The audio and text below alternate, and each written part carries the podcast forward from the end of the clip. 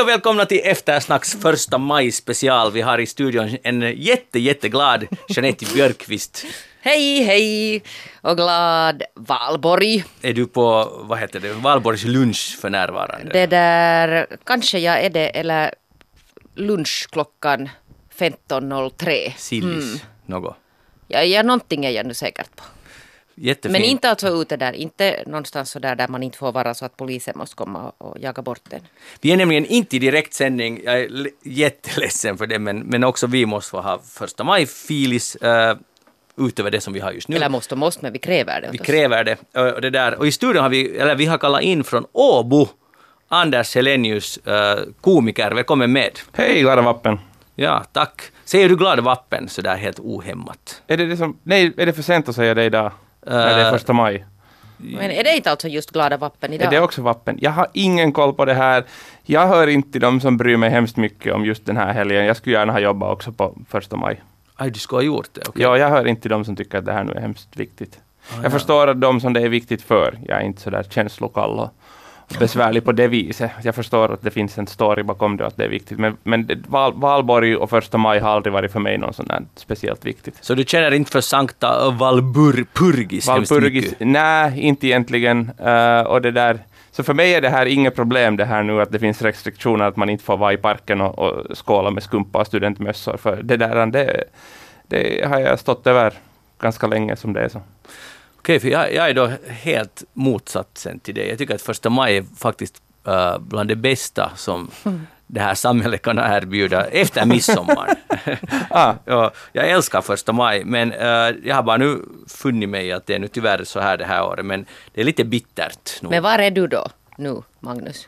Jag tror att jag är hemma och korrekturläser någon text som bäst. Och det är det som det är lite förnedring på något Nå, sätt. hipp hej bara då. Jo, jag heter Magnus Lundén, program alltså Eftersnack. Vi ska tala om veckan som gått och vi ska också tala om första maj lite mera senare. Vi är band alltså, vi är inte live, vi är lite, lite i förtid, men vi hoppas ni alla har en fin första maj, vad ni sysslar med. Vi ska, vi ska i alla fall börja med, ja en god nyhet tänkte jag faktiskt börja med, kultur under tiden. Svenska kulturfonden och konstsamfundet det kom ut igår att de har delat ut eh, pengar till 177 konstutövare. Jeanette, är du en av dem? Nej, jag sökte inte. Anders, är du en av dem? eh, nej, Okej. Eh, och inte jag heller. Men jag blev ganska glad när jag läste det. 700 000 euros någonstans ifrån har man klämt fram och 177 som sagt konstutövare får allt från vad det är, ungefär 1000-2000 euro upp till kanske 8-10 000. Jag tror att det var till och med en arbetsgrupp som fick 15 000. Ja. Du märker, jag har gjort min läxa. Du har gjort den läxan. Och när du gjorde det, varför gjorde du det? Lä- Läste Men jag ville läsa alltså och sen glädjas alltså över alla möjliga bekanta och, och sådana Mm. alltså som man känner till som har fått pengar. Jag tycker att det här var helt alltså jättefin Ja, gest. verkligen bra och snabbt jobbat. Det, det, att institutionen behöver inte vara så, så, det behöver inte gå så trögt. Det här var bra, fint jobbat. Anders, det där, uh, i förra gången du var med i Eftersnack som var kanske för två månader sedan, så då, då uh, skissade vi upp ett nytt liv åt dig. Där du, du, och det där, jag undrar, hur gick det sen? Vad har du nu gjort sen vi senast var här? Uh, no, det visar sig att mina barn har klarat sig väldigt bra i skolan. Att jag har inte behövt hemskt mycket vara liksom den här, den här Lattjo Lajban magister Anders. Aha, Som jag då kanske tänkte att jag skulle måste vara. Och sen fanns det ju en viss sån här båge i det också, att först tyckte man att man skulle vara jätte chill och cool och trevlig sådär och sen plötsligt så börjar man märka att man börjar bli någon sorts liksom rektor ja. från 1945 som var väldigt sträng och krävande och, och nu får ni och gör det här och nu får ni och gör det här och nej, du ska ha sitta hela lektionen igenom och, och nu har man på något sätt sen då anpassat sig till det, att det, det är nu så här som det är och det har gått helt bra faktiskt. Hur- Hurdant vitsord skulle du ge dig själv då? Uh, det beror på vilken, vilken fas jag är i nu. Att om jag nu liksom är, är den där, uh, alltså den här chi- chill vikarieläraren magister Anders som kommer in, så han skulle inte få hemskt bra vitsord, för han har inte liksom hållit sin karaktär överhuvudtaget. Ah. Uh, men om jag nu är liksom, liksom du, undervisningsminister Anders On Lee, så, det där, så då, då har jag nog bra betyg nu. Aha, okej. Men, men alltså, det är ju det när man kallar in vikarier, vi, vi vet ju alla hur det går för vikarier, men du har inte blivit liksom mobbad och sådär. Liksom. nej, nej, jag har faktiskt inte blivit mobbad alls. Fantastiskt. För det finns ju många uh, föräldrar, hjältar där ute, måste jag säga, som har varit just som Anders rektor eller vikarie, hur vad man nu vill välja. Jeanette, du är en av de hjältarna. Hur, kan du ge... Jag vet inte, hjälte kanske är inte det ord jag skulle ta i min mun. Nej, jag är ledsen att jag tog det i min mun, men uh, hur skulle, vad skulle, vilket vitsord ger du dig själv? Som sån här lärarvikarie. Eller sån här, vad ska man kunna, man kan ju inte kanske liksom kalla sig nu för lärarvikarie, men, men, men sån här... Ansvarig pedagog. En ansvarig hemmapedagog. Det där, ehm, det där, så det är lite alltså varierande. En del dagar jättebra och en del dagar jättedåligt. Det har lite gått så här upp och ner. Min dotter alltså, de, de fick en fråga sen där på, på sina på sina där skoluppgifter där de skulle skriva då tre bra saker med, med den här distansundervisningen och tre dåliga. Och där på tre dåliga så lista på punkt nummer två. Mamma är en dålig lärare. och så, så frågar jag, alltså hon, är då, hon går på tvåan, så frågar jag att, att vad menar du med det här nu? På vilket sätt tycker du att jag är dålig? Så Ja. sa hon att jag är för sträng. Ja, Att det där att jag är inte alls så här mammig. Så sa jag att, men att, att inte kan man ju liksom vara mammig när man är lärare. ja nej, nej, det är sant. Vad sa hon då? Nå det där, hon tyckte nog fortfarande att, att jag är en dålig lärare. Men det, det är, så du, med andra ord får du ganska dåligt vitsord. Det är ju gla, då Men är jag, du, tycker, alltså jag tycker faktiskt att lärare ska vara stränga. Det Mm. tycker jag är en sån här... Den här 19, vad sa du, 1945-pedagogiken. ja, det var säkert jättemjukis på alla sätt. Just, Just, den 70 och 80-talets pedagogik tycker jag nog också att, att det fanns vissa goda sidor i det. ja, det fanns också dåliga. Nå, det fanns det. Jag kan tycka Jeanette att du borde göra en motsvarande liksom, bedömning också på dina barn. Liksom att du skulle säga att var du en bra elev eller inte. Ja, Du skulle, exakt. du skulle borde få ge sådana här hemmavitsord också om det här nu tar slut nu. Så att när den här hemmaundervisningsterminen är slut så ska vi borde ge någon sorts bedömning också på våra barn. Hur Alltså jag har- måste där säga att jag, jag, jag tror att det är liksom bäst att, att vi...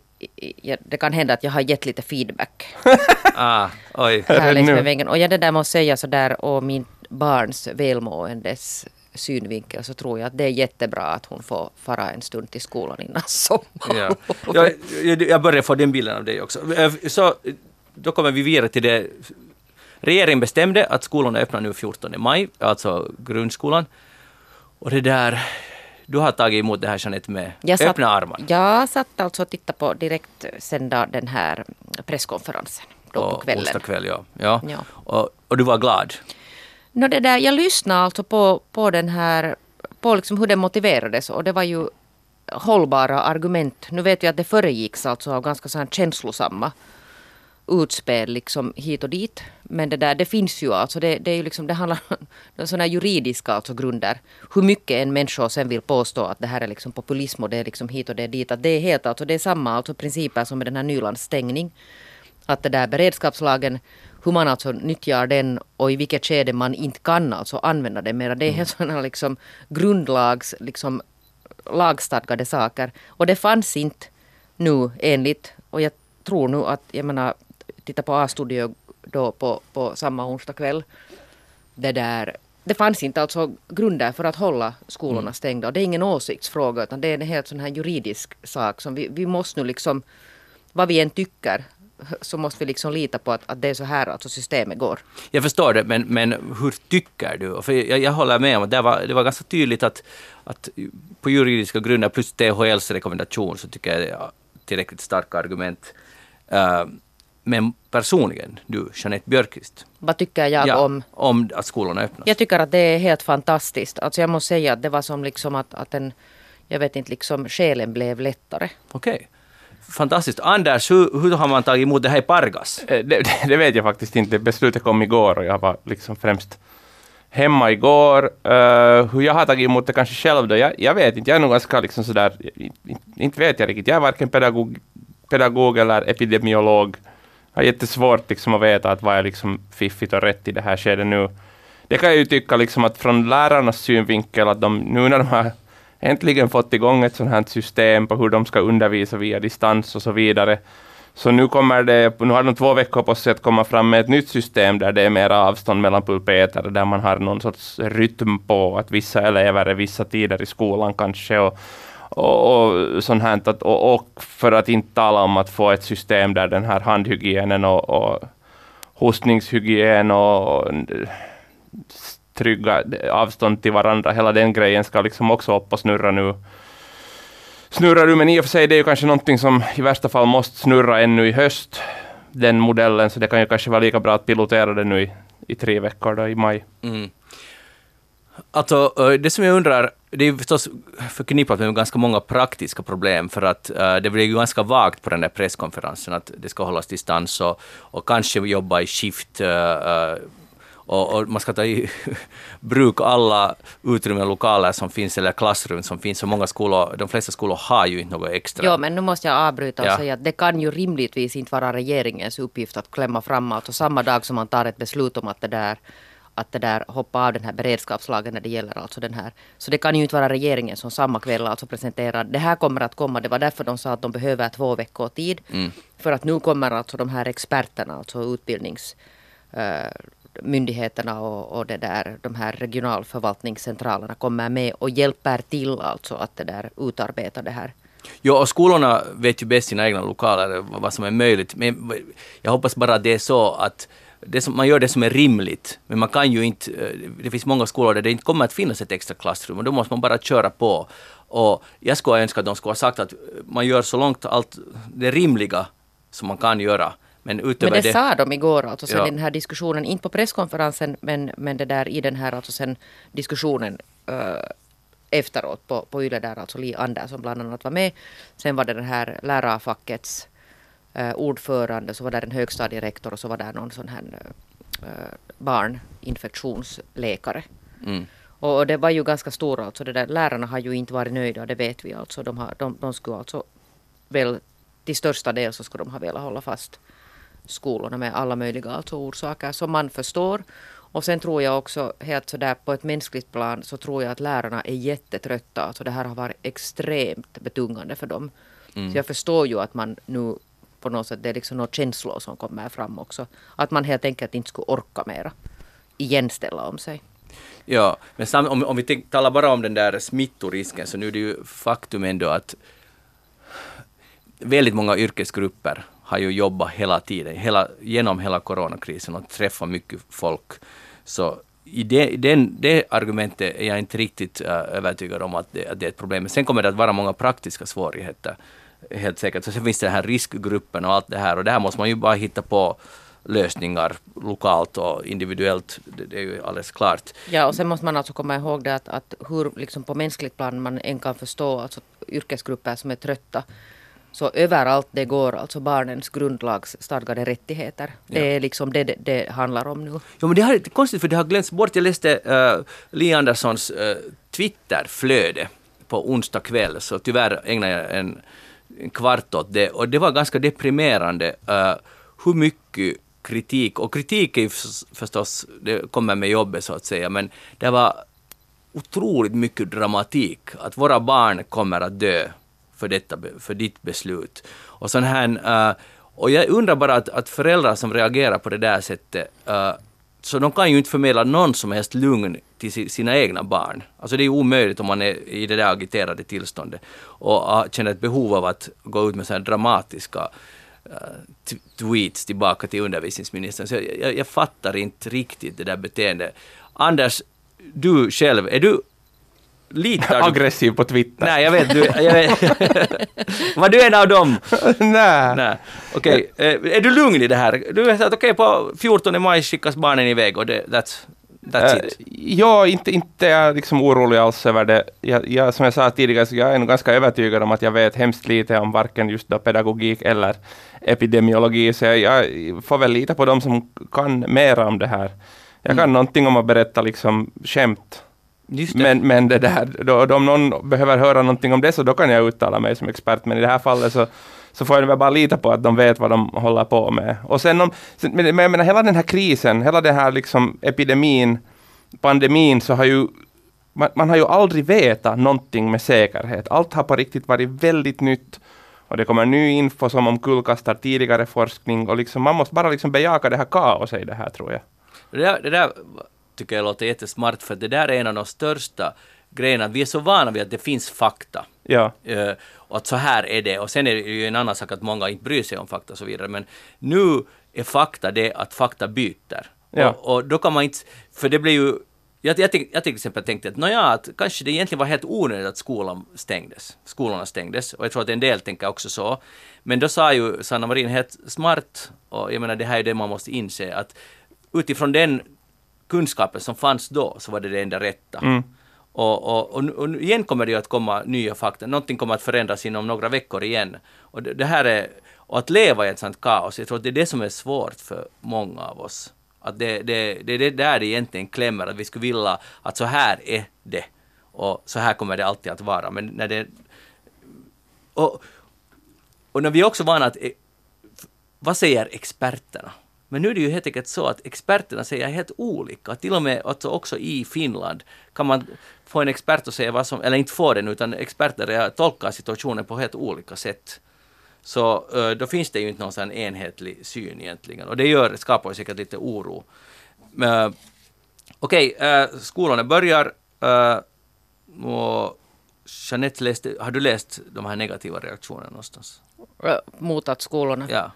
Oh ja, man kan alltså på inget sätt alltså undvika det. ja. Och det blir liksom... Det är ju, det är som du sa, det är jättemycket känslor. ja. Alltså sen kan jag nu tänka mig de här negativa kommentarer just som på någonting som Twitter, att om det riktas mot någon som har makten, så där finns ju ett visst sånt här ehm, perspektiv som blir lite förvrängt också i det här tror jag. Att, de flesta säger ju ingenting och de som skulle berömma säger hemskt sällan någonting. ja. Medan de trollen som har som vana att attackera ministrar och i det här fallet speciellt kvinnliga ministrar och politiker så, eh, så det, det, det förvränger nog den där liksom äh, allmänna opinionen kring det här ganska mycket misstänker jag. ja. Jag måste säga att, att så mycket känslor som det nu har varit, alltså de som det där, Twitter är ju förstås alltså en sån här slaskhink där man ogärna ska alltså alls överhuvudtaget tillbringa någon tid just nu för tillfället. Men det är ju samma med de här andra sociala mediekanalerna, alltså de här extrema alltså känslor, alltså det är ju stora, stora känslor. Där alltså folk säkert alltså uppriktigt tror att, att nu skickar man liksom barn till döden. Förstår ni? Att när det är liksom så otroligt dramatiskt.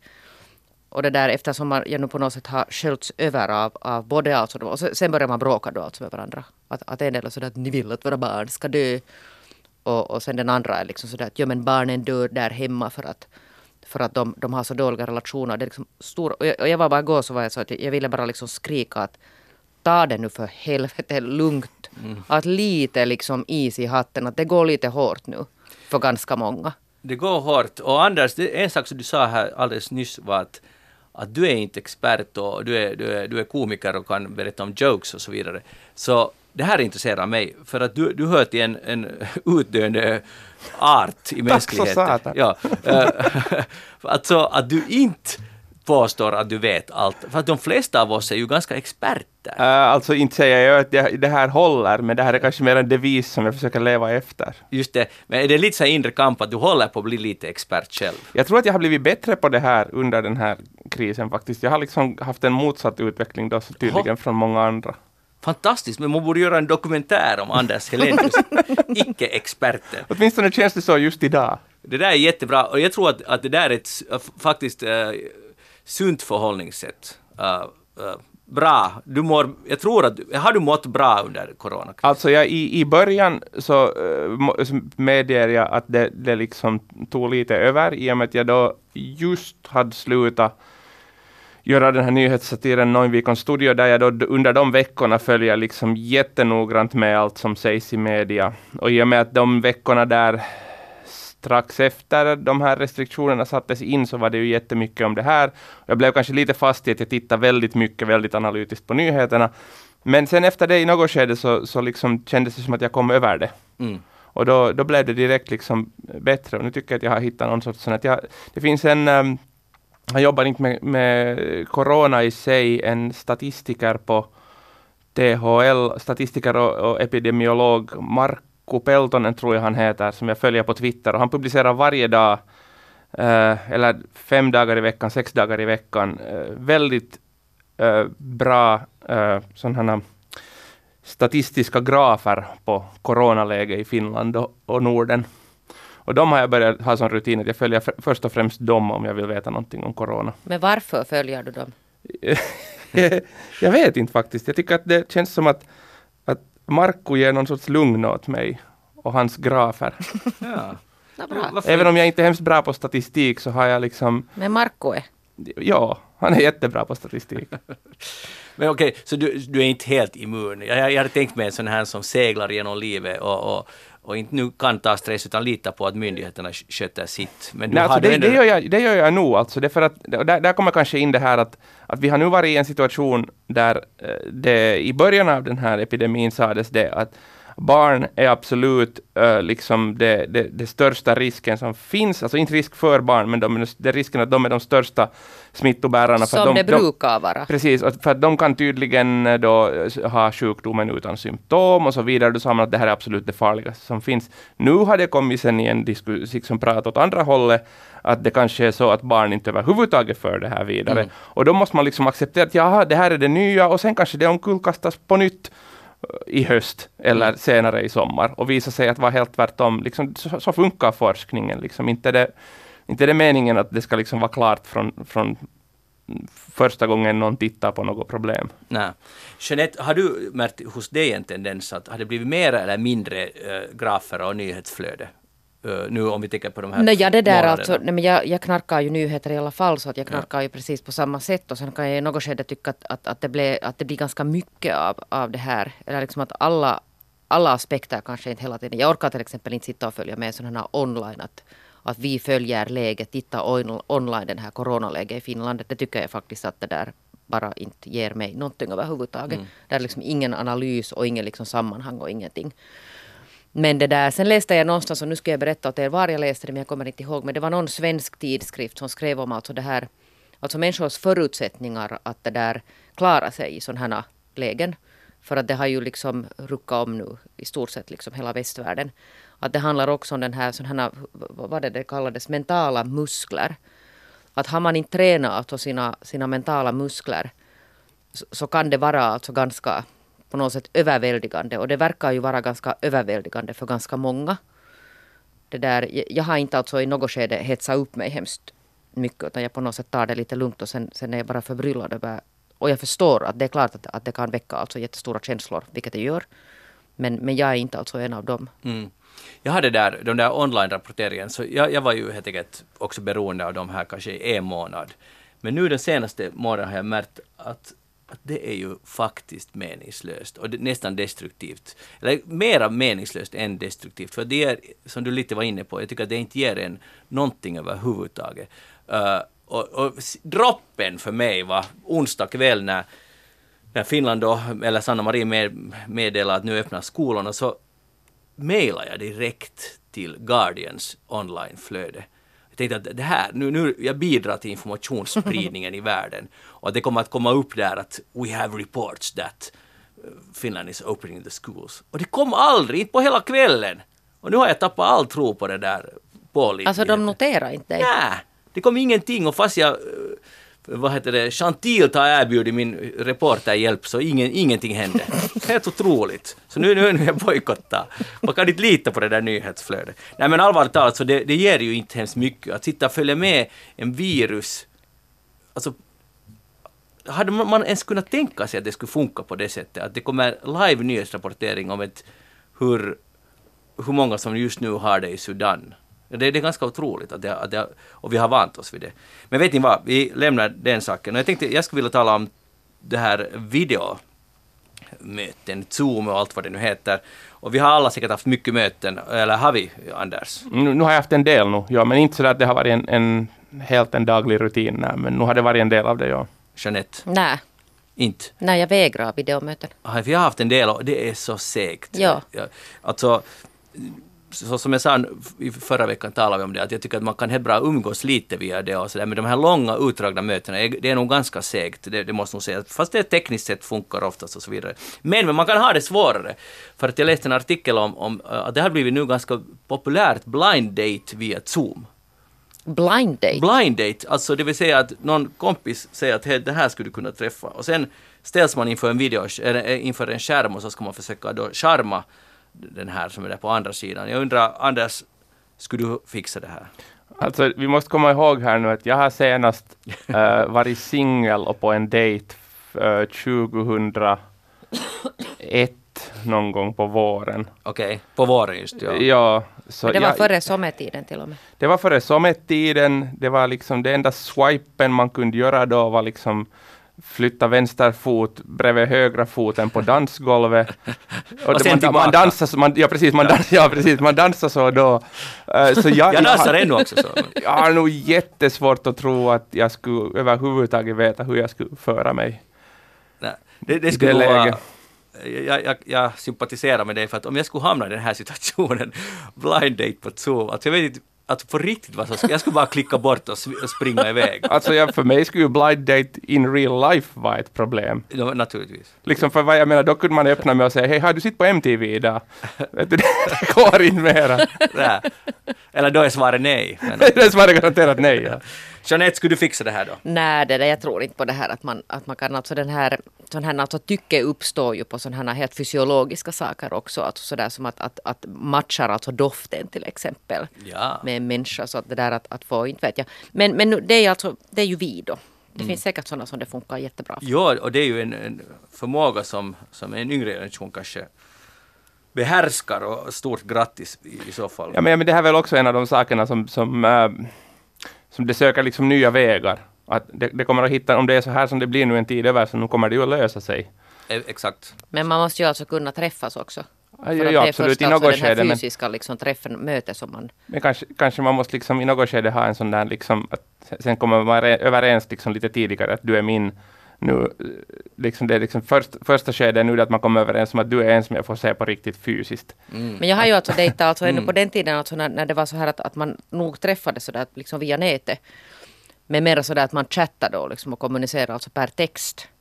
Och då kunde det ju vara så att det gick jättebra alltså och chatta och liksom någon verkar helt alltså super och så helt liksom bra ut på bilden och allt var så träffas man och det är sådär nothing. Mm. Ingenting. Men då är kanske Zoom-dejten är bättre. Men jag tror inte att det är alltså, för det spelar egentligen sen ingen roll alltså hur människan ser ut. Nå, ja, kanske så att man skulle höra då hur den pratar, alltså det där på något sätt den här liksom kroppsspråket. Mm. Men det är fortfarande så handlar det om helt andra saker. Om inte man är jätterationell bara och bestämmer att nu ska jag liksom träffa någon och, och den här verkar vara en bra person. Intressanta frågor. Eh, vi, vi får se hur det går. Hej, på tal om första maj. Så det där, det har ju varit mycket, eller jag vet inte om ni har eh, noterat det här med att i Lund Ja. så var man ju jätteorolig över att valborgsmässoaftons firande skulle urarta, så man då dumpade ett ton uh, hönsgödsel i parken, i den centrala stadsparken där, eller vad det nu kan tänkas heta. Och, och jag, jag, blir, igen, jag, jag tycker att Sverige har börjat lite ta ton här, att de har blivit strängare och det här är ju ett ganska, ganska tydligt besked om vad, vad stadens män och kvinnor tycker om valborgsmässoaftonfirande. Ja, och det är ju alltså en stor ha- happening där i Lund som alltså är en sån här universitetsstad. Ja. Lite som Åbo där, där då tydligen inte den här Anders alls brukar springa på vappen. Nej, det var också, det var också 19 år sedan. På, på våren. på våren också. Ja. Men det där, eh, vad tycker ni om det här? Är det här? Får man göra nu så här att man dumpar höns- hönsgödsel så det luktar i halva stan? vadå, de sa att det är alltså två fördelar. Alltså dels så vill ingen sitta där och ha sina picknickar alltså där mot myndigheternas eh, rekommendationer och dels så får gräs, att gräsmattan må bra så att de får en vacker gräsmatta till sommaren. Mm. Anders, skulle du rekommendera det här för alltid om man inte vill ha gäster eller någonting sånt? Dra upp en gräns. Så att- ja, man vänjer sig säkert själv med det då Ja. i något skede. Men jag antar att parkarbetarna behöver ju inte hänga där då heller. Nej. Ja, men jag tycker att det låter ju som en jättesmart idé. Det är nog liksom innovat- in, innovativt. Jag skulle inte ha tänkt på det där. För det är det som de säger att kriser tar fram de bästa idéerna. Mm. man tvingas liksom lösa situationer. Jag tänkte bara alltså så där, jag har varit i Lund, det är ju inte någon sån här liksom på det sättet jättestor stad. Att om de då dumpar alltså sådana mängder så det kommer ju kanske inte att dofta så gott där någonstans. Alltså det, det är liksom, det, lukten blir ju inte bara där vid gräsmattan så att säga. Att Nej, och sen är det vartåt blåser Ja. det, det blir alla möjliga... Jag, jag tror att de kommer att ångra sig. en så faktiskt. kallad hajuhaitta. Mm. Ja, jag Så tror någon kommer form av spikmatta skulle ha varit bättre. Exakt. Underskatta inte hörde de här illustra de här studerandenas förmågor där i Lund. Ja, precis. Att bygga fanerskivor eller något. Eller bara sånt. sätta sig där och då vara Ja, lite okej. sådär fakirer. Men vi har haft alltså en coronavecka, men uh, Jeanette Björkqvist, har du tänkt på något annat under den här veckan? No, jag har alltså tänkt lite alltså det där på liksom den här tiden före coronan.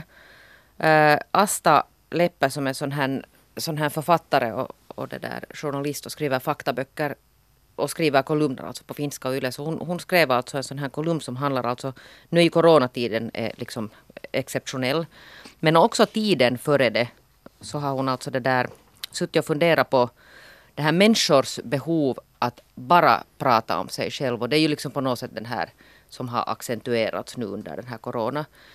Så, som jag har alltså det där på något sätt så sätter hon alltså fingret på det som jag själv har funderat på. Nu är ju inte Magnus så jättemycket på, på sociala medier men, men det är jag och det är säkert Anders också.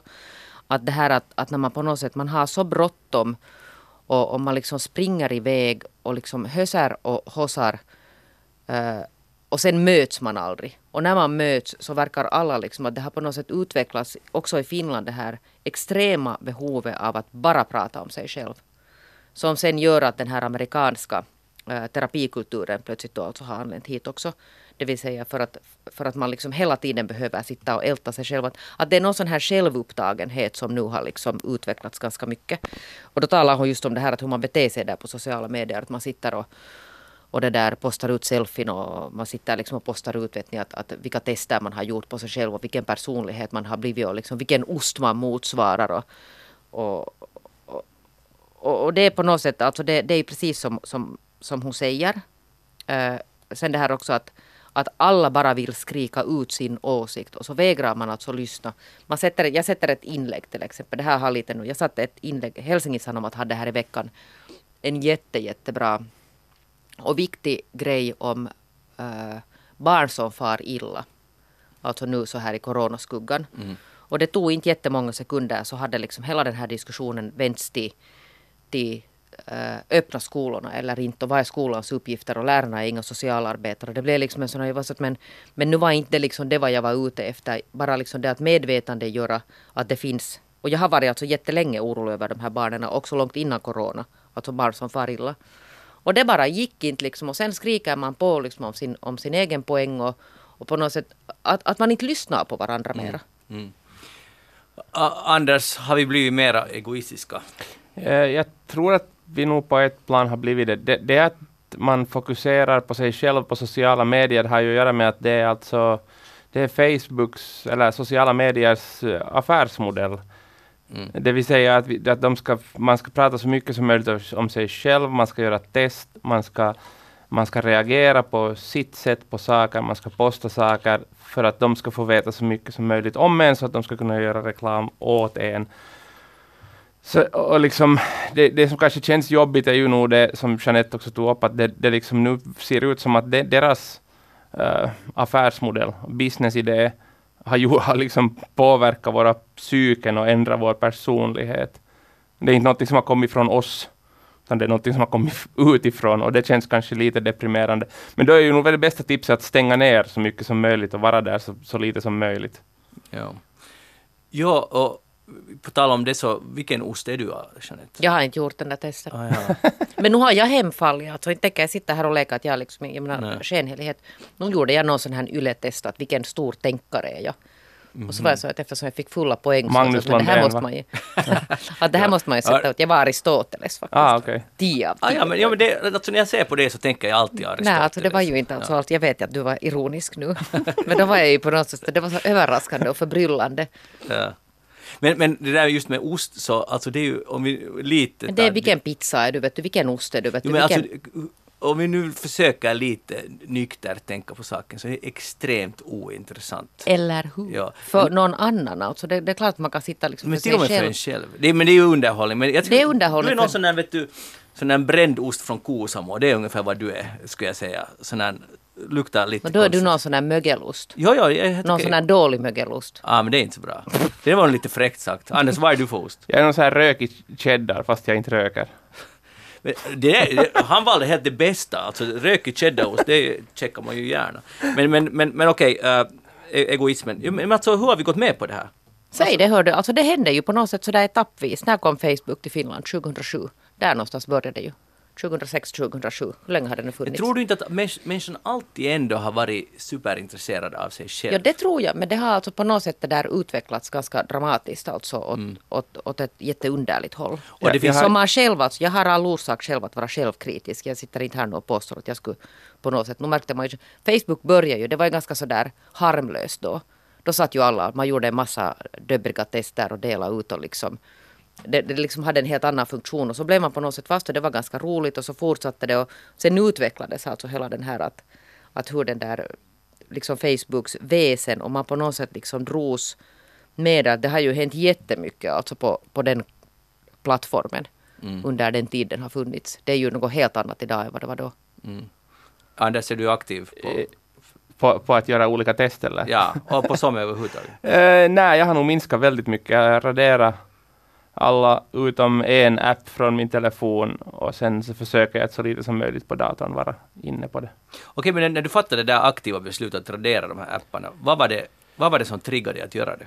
Det var liksom bara att det ofta var så att jag gick igenom tre, fyra appar på telefonen och sucka och tyckte att det här gav mig absolut ingenting. Mm. Och då när jag insåg det så tänkte jag att nu är det bäst att bara då inte hålla på med sånt som ger mig ingenting. Nu låter helt smart. Men jag tycker alltså ändå... Men det är, det, alltså det är lättare sagt än gjort. Alltså nu märker jag ju ännu också att det... Inte har jag någon sån fasta på gång att det skulle liksom vara förbjudet. Mm. Men sånt slentrianmässigt kollande av, av så det, det, liksom, det ger absolut ingenting åt det. Nej, och jag säger alltså bara det att i grunden finns det alltså någonting i de här sociala medierna som jag tycker om. Alltså jag tycker om det här men, mm. men, men det har liksom där finns också alltså mycket nu för tiden som, som inte kanske gör så gott åt en. Alltså just det här skrikande och härjande och att man på något sätt inte kan mötas och diskutera och liksom på något sätt det finns alltså vissa människor som lyckas alltså hålla styr på sina kommentarstrådar till exempel. Så det kan bli helt alltså intressanta diskussioner. Mm. Men de allra flesta är sådana att, att, att, man vill inte gå dit och pilla för att alltid kommer dit någon och börjar liksom ragge, som ungdomen säger. Mm. Men det där med egoismen så är det inte så, eller jag skulle inte tro det så, det här är säkert någon ny insikt, men äh, förut så var det lite sådär fult att vara egoistisk, fast vi alla kanske var lika mycket egoister som idag. Men det som, nu har det beja, alltså Facebook har tillåtit att det bejakas. Att ja, det, det matas rent Ja, det matas, exakt. Att det är till och med en bra sak. Och, och, och det blir ju om, och till exempel, jag är inte så supervan alls vid Facebook, eller jag finns inte ens på Facebook, men, men jag läser via min fru ibland. och, och, och jag tycker det, om inte man är van så är det nog häpnadsväckande. Va, va, det finns som sagt mycket bra, goda saker, men den här självcentreringen och på sina egna barn och allt sånt. Så jag har fortfarande väldigt svårt med det. Men någon kan säga att det är hälsosamt, att det är bra, eftersom vi ändå är sådana djur, alltså egoistiska djur, så det är lika bra att det, låta det komma ut. Men jag har, jag har ändå lite svårt med det fortfarande. Jag måste säga att det finns alltså det där jättemånga människor nog, och kanske jag själv också, kanske inte mer, jag försöker nu i alla fall lite medvetet det där, tänka, det är klart att man postar, men det är ju liksom en del av det där att du ska på något sätt bjuda. Och jag har det alltså delvis som marknadsföringskanal också. Men då finns det ju väldigt många människor som överskattar alltså tron på sin egen, på, på liksom sin egen betydelse och hur intresserade människor är av en. Mm. Att det där är någon rim och reson i det här att hur mycket man liksom bombar alltså olika kanaler med alla möjliga informationer om sig själv. Men nu när du har så här självinsikt, eller insikt, så kommer det här att påverka ditt eget flöde? Ja, ja alltså jag hade, jo, det har alltså påverkat den för, för en tid sedan. Okej, okay. så det är jag var ganska aktiv alltså att det där sätta ut en massa, men alltså inte alltid om mig själv utan sån här liksom, på den tiden när man ännu trodde på att det gick att föra någon diskussion där till exempel. Och det, det, den förhoppningen gav jag ju upp för ganska länge sedan. Saken klar. Anders Elenius, vad har du tänkt på i Pargas den senaste veckan? Djur faktiskt. Vi, har alltså, vi, bor, vi bor på landet där i Pargas. Alltså så där, eh, no, där finns ju nog liksom hus någorlunda nära, men det, det är liksom det, man måste nog säga att jag bor på landsbygden och liksom grusvägar och grejer och så vidare. Vi bor på en åkerkant så att det, det, är, som där, det är ganska mycket djur och det är liksom ehm, det nya för den här vårsäsongen är fasaner. Mm. Och de har alltså kommit tillbaka. De har, de har tror jag inte varit där på, på ett antal år, men nu har det liksom kommit fasaner dykt upp. Liksom. Så vi har en sån här liksom, uh, vad heter de här som man följer med, Simonvikaren och att man bångar? Sån här livekamera? Ja, livekamera, ja, ah. men vi hade liksom i 3D från våra fönster hela tiden. Ah. Liksom. Och, och, nu är det liksom den, den, här säsongens nya grej är fasaner och vi samlas hela familjen och tittar. Nu sitter där en hane och där en annan hane, att ska de börja slåss och liksom hemskt spännande så här. Men jag har märkt i mig själv att det, liksom, det finns en sån här fyra, äh, fyra nivås, lite som Maslows behovshierarki, så finns det en, en fyra nivås hierarki om hur man förhåller sig till djur.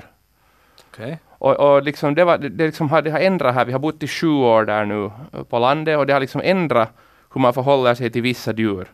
Liksom, så i början när vi flyttade dit, jag kommer ihåg jag var och städade medan vi byggde eller någonting och så såg jag ett rådjur från fönstret. Och jag blev liksom riktigt så att oj nej vad är det där, titta ett rådjur. Det är liksom stadie ett, det är överraskning. mm.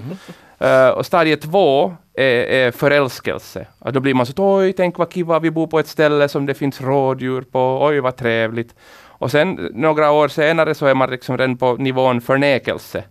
Där man är sådär att jaha, ett rådjur det är nu inte så jävla stor skillnad, sådana ser man ju hela tiden. Att det är nu skit samma. Mm. Och sen till sist så är man på, liksom som jag är nu, gällande rådjuren, liksom på nivå fyra. Och det är mord. Bössan fram. Ja, slakt. Att Just den här tanken kommer, det är inte mer alls något gulligt, det är inte så oj vad kiva att det finns rådjur. Det är inte ens det att inte nu rådjur något speciellt, utan det är sånt det där ska man kunna äta upp och, och, fasanerna är nu liksom ännu i år på det här överraskningsskedet och, och, nästa år kanske då på att oj vad trevligt att bo med fasaner som ropar omkring en och, och, och sen i något skede så vill jag väl skjuta dem också. Kan man äta fasan? Jag tror nog absolut det. Ja, ja, det kan man nog. Ja. Uh, men uh, du måste bara kolla upp det där när, att det, det där, när är säsongen. Har, har du jaktlicens? Ja. Man ska ju faktiskt genomföra en sån Ja, jag har dock inga vapen och jag har ingen säkerhet om jag skulle vara kapabel att skjuta ett djur eller slakta det. Jag, jag känner nu att du ska där hålla igen där med det där. Okej, okay, men om jag får jag tänka på morden då? Du får tänka på... Bara, uh, förrän du... Uh, för det är ju lyckligtvis långt steg, många människor tänker mord för, förrän man sen gör någonting. Du måste också hålla det kanske där. Och om du går till uh, handling så kolla lagen först. Absolut, det skulle, ja. skulle kanske vara bra. Ja. Ja, jag kollar liksom det där om det skulle finnas något lokalt jaktlag så att du kan gå tillsammans med någon som vet någonting om det här. Och sen kanske också uh, kolla att den här artbestämningen är gjord rätt. Ja, precis. Man inte skjuter någon häst eller hund i misstag. Ja. det skulle vara lite olyckligt. Ja, och sen finns det ju fåglar nog som är skyddade. Så ja, vi, det här, vi rekommenderar alltså inte i mord. Nej, alltså det här är en intern process. Ja, jag förstår. Uh, Okej, okay, eh, så rådjur, men det är, jag kan förstå att man i Pargas småningom börjar komma till stadie 4, för det finns ganska mycket av dem. Det finns otroligt mycket av dem, ja. Och det, de blir ju, go, det blir ju helt bra korv av hjort till exempel. Ja, nu har jag förstått att det annars också, de, vad jag nu har förstått på det, jag, vet, jag, nu, jag har ändå gjort lite forskning i det här hur man ska äta rådjur och hjort. Och, och de skulle borde hänga ganska länge har jag förstått, liksom i, i kylen för att det ska bli mört. Ja, just och då skulle man borde liksom ha ett garage eller någonting som man kan kyla ner och ha rådjur och hänga i det. Där har du en, alltså om det här corona drar ut på tiden och du inte får vara rektor mera, så då, där har du en, en karriär.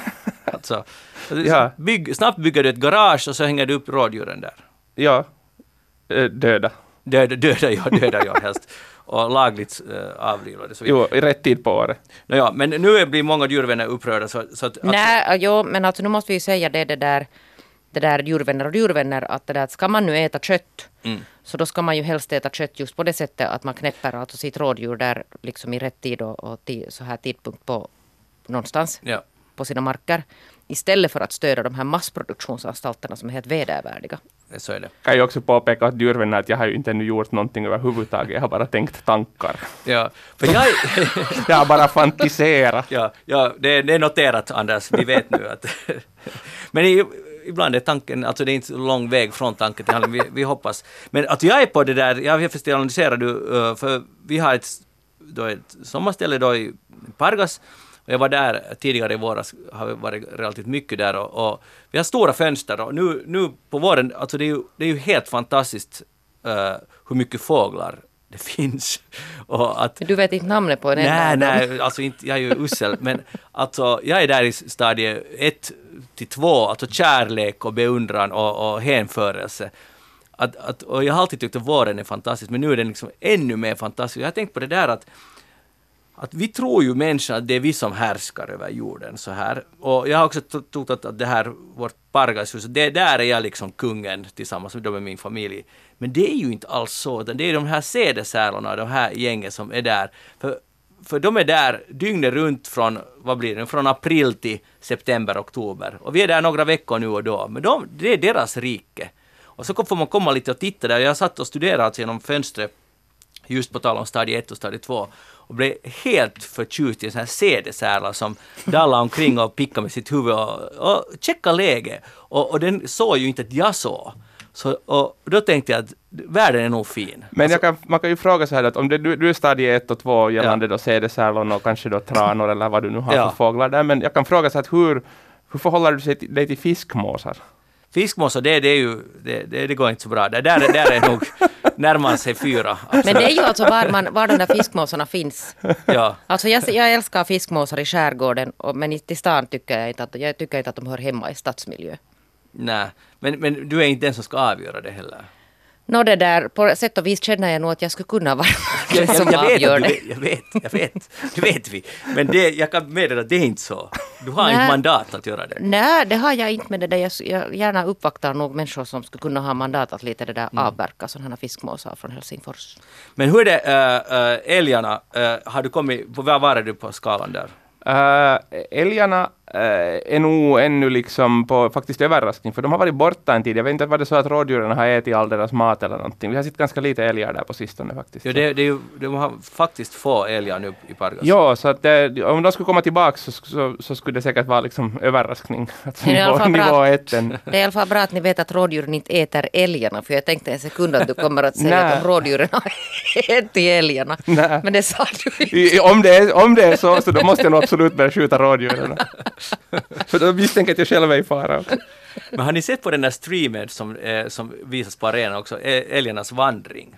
Nej, jag har inte sett på den faktiskt. jag tittade, det är ganska mäktigt att, att man får titta in i älgens vardag liksom, när den vandrar där. Och det är fullt av kameror, jag tror det är i Sverige. Uh, och det är en sån här livestream dygnet runt. Det rekommenderar jag också. Det är lite som Cedersällan, att man kan nog förundras över hur lite vi vet och förstår. Ja, det var nu bara en tanke. Men tack Anders för, dig, för det här. Uh, och det är inte, vårt program är inte ännu slut, men det där hålls på rätt nivå. Det är väl alltid bäst. Så. Hej, på tal om lärare så läste jag om en artikel om en, om en eh, faktiskt en lärare eh, i, uh, vad var det? Ja, det var i USA. Om en lärare som hade det där, uh, aldrig lärde sig att läsa och skriva i skolan. Och han fixade alltid i, först i lågstadiet genom att använda kompisar till hjälp och, och sådär. Och, och han lärde sig inte och han bad till Gud uh, ofta på nätterna att snälla, att imorgon när jag vaknar så kan jag läsa. Men det fixade sig inte, han lärde sig aldrig att läsa. Sen äh, växte han upp och blev äldre och han lyckades alltid på ett eller annat sätt fixa att han kom igenom skolan utan att han de facto kunde läsa eller skriva. Han kunde skriva sitt eget namn. Och han kunde läsa några helt enkla ord, men han kunde inte läsa en hel mening. Och uh, bisarrt nog så, det här var på BBC alltså den här artikeln, en lång artikel. Sen uh, fick han på något konstigt han blev, han blev istället en idrottsstjärna, han blev bra på det och fick mycket beundrare och, och han var pop i skolan och sådär. Han lyckades dölja för det mesta att det här att han inte kunde läsa. Och sen blev det en tjänst ledig på någon skola och så fick han jobb som lärare. Uh, jag tror att det var på 70-talet. Trots att han då inte kunde läsa och, och, och skriva. Och han klarade också det i 17 år. Alltid så att han använde någon duktig elev som fick skriva uh, det som måste skrivas, men han skrev aldrig själv någonting under 17 år på tavlan. Han var både gympalärare, men han var också annan lärare. Han uh, var det i, uh, nu minns jag inte vilket ämne, men det var ett så, så kallat läsämne. Uh, konstigt nog så fixade han det. Och sen till slut när Barbara Bush lyfte upp, alltså George Bushs fru, lyfte upp att det finns vuxna som inte kan läsa och skriva. Att det här är något vi måste tala om. Och då fick han att, wow, att det var första gången, förutom till sin fru, han kunde berätta att han kan inte läsa. Och när han beskriver den här skammen, och han lever hela livet med den här enorma skammen och att hela tiden försöka dölja sin brist. Så det här berörde mig ganska mycket. Jag tänkte just på att, tänk vad skam kan driva oss. Uh, och på något konstigt sätt driva oss att bli lärare, fast man inte borde vara lärare. Uh, men ändå skammen som styr. Och hans liv har nu helt enkelt blivit mycket bättre, för nu har han lärt sig i princip läsa och skriva som vuxen. Och, och det var ganska berörande. Anders, jag bad dig läsa artikeln. Hade, läste du den? Eh, ja, jag läste den faktiskt. Det, det var det är helt otroligt.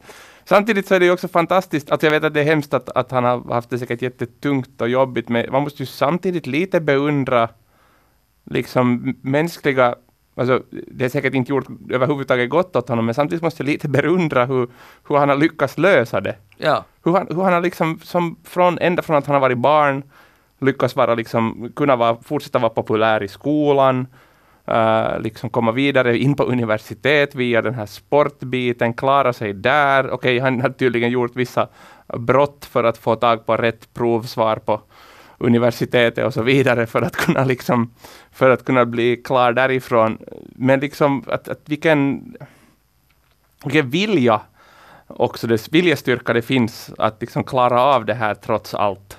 Ja. Sen skulle den lättaste lösningen ha varit att när han var sex år har sagt att hej by the way, jag kan inte läsa, kan någon hjälpa mig? Så skulle ju sluppit allt det här.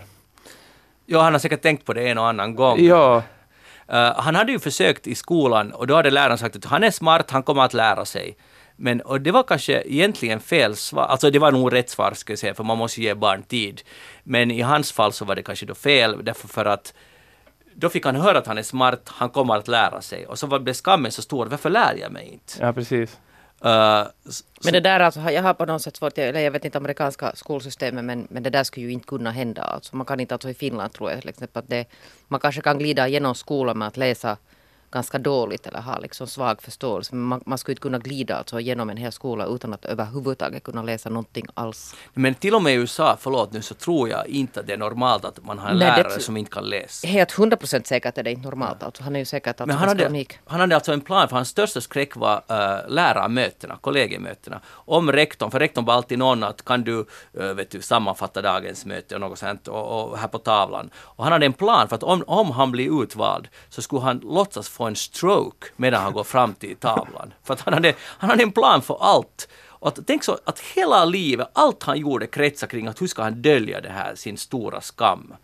Och, och jag tycker bara att, som du sa Anders, att hur tänjbar människan är och hur man kan liksom hitta på lösningar, det är alldeles, alldeles otroligt. Men det slutar lyckligt tack vare Barbara Bush. Det var ju fint. Det. Hej Anders, jag har en annan fråga åt dig.